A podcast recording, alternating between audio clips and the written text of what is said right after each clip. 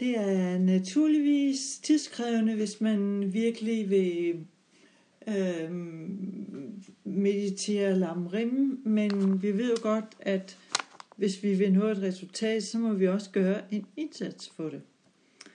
Øhm, og, men hvis du nu ikke har alverdens, alverdens mængde af tid, du kan investere i, øh, i meditation, så vil jeg også sige, at lidt er jo altid bedre end ingenting. Og det er også derfor, at jeg har lagt forberedelserne i en lydfil for sig. det er selvfølgelig rigtig fint, hvis du vil gøre dem hver eneste gang, men hvis ikke du har tid til det, så gå direkte til de enkelte temaer. Allerførst så kommer der her en oversigtsmeditation over alle temaerne i Lamrim.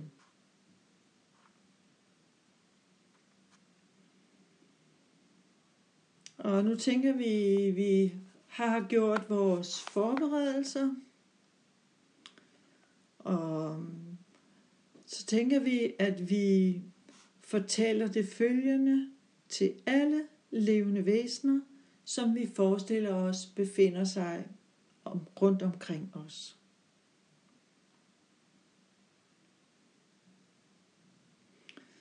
Så øh, forestil dig, at du siger til alle levende væsener, at allerførst så tænker man over betydningen af at have tillid og hengivenhed til sin lærer. Fordi læreren er grundlaget for en spirituelle udvikling. Læreren viser os, hvordan vi kan udnytte vores kostbare menneskeliv bedst muligt og gøre det meningsfuldt. Og allerbedst er det, hvis man kan se sin lærer som en Buddha.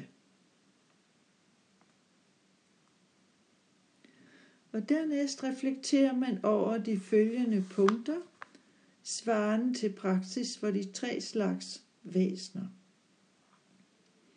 Og det første punkt det er, vi tænker, at det kostbare menneskeliv er forgængeligt.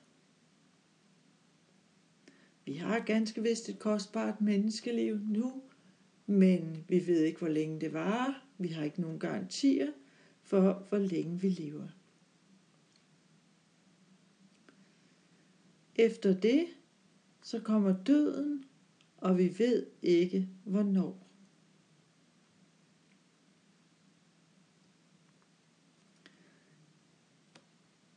Det næste punkt det er, at i døden kan vi ikke tage noget som helst med os, kun vores praksis. Og derfor siger vi, at i døden hjælper kun Dharma.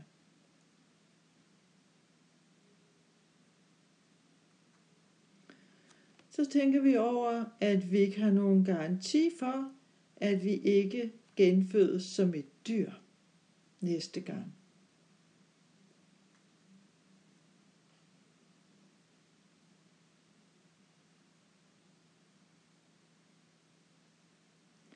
Vi tænker over, at tilflugten beskytter os mod lidelserne i de lavere riger –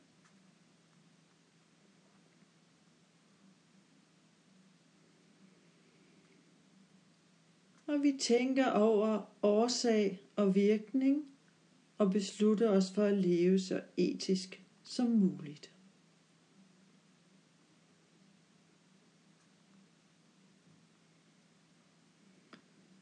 Så kommer så de to næste punkter, som svarer til de væsener, der har den mellemste type motivation. Tænk over lidelserne i samsara. Fødsel, alderdom, sygdom og død. Og spørg dig selv, hvad har det med mig og mit liv at gøre?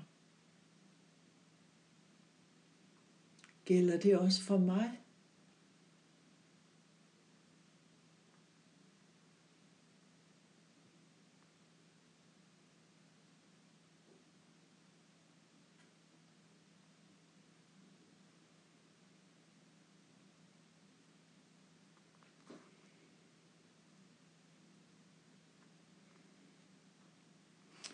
Og det sidste punkt, som svarer til væsner med den højeste, til praksis for væsner med den højeste motivation.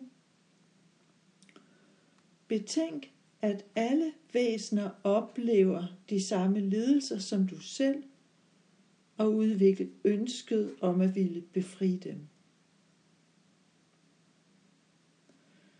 Beslut dig for at ville træne i bodhicitta for at nå Buddha-tilstanden til gavn for dem.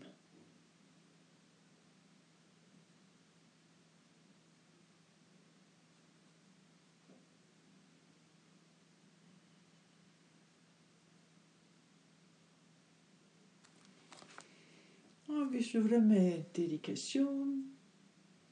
Må jeg hurtigt blive en Buddha til gavn for alle levende væsener. Og må jeg herefter føre alle levende væsener uden undtagelse til Buddha-tilstanden.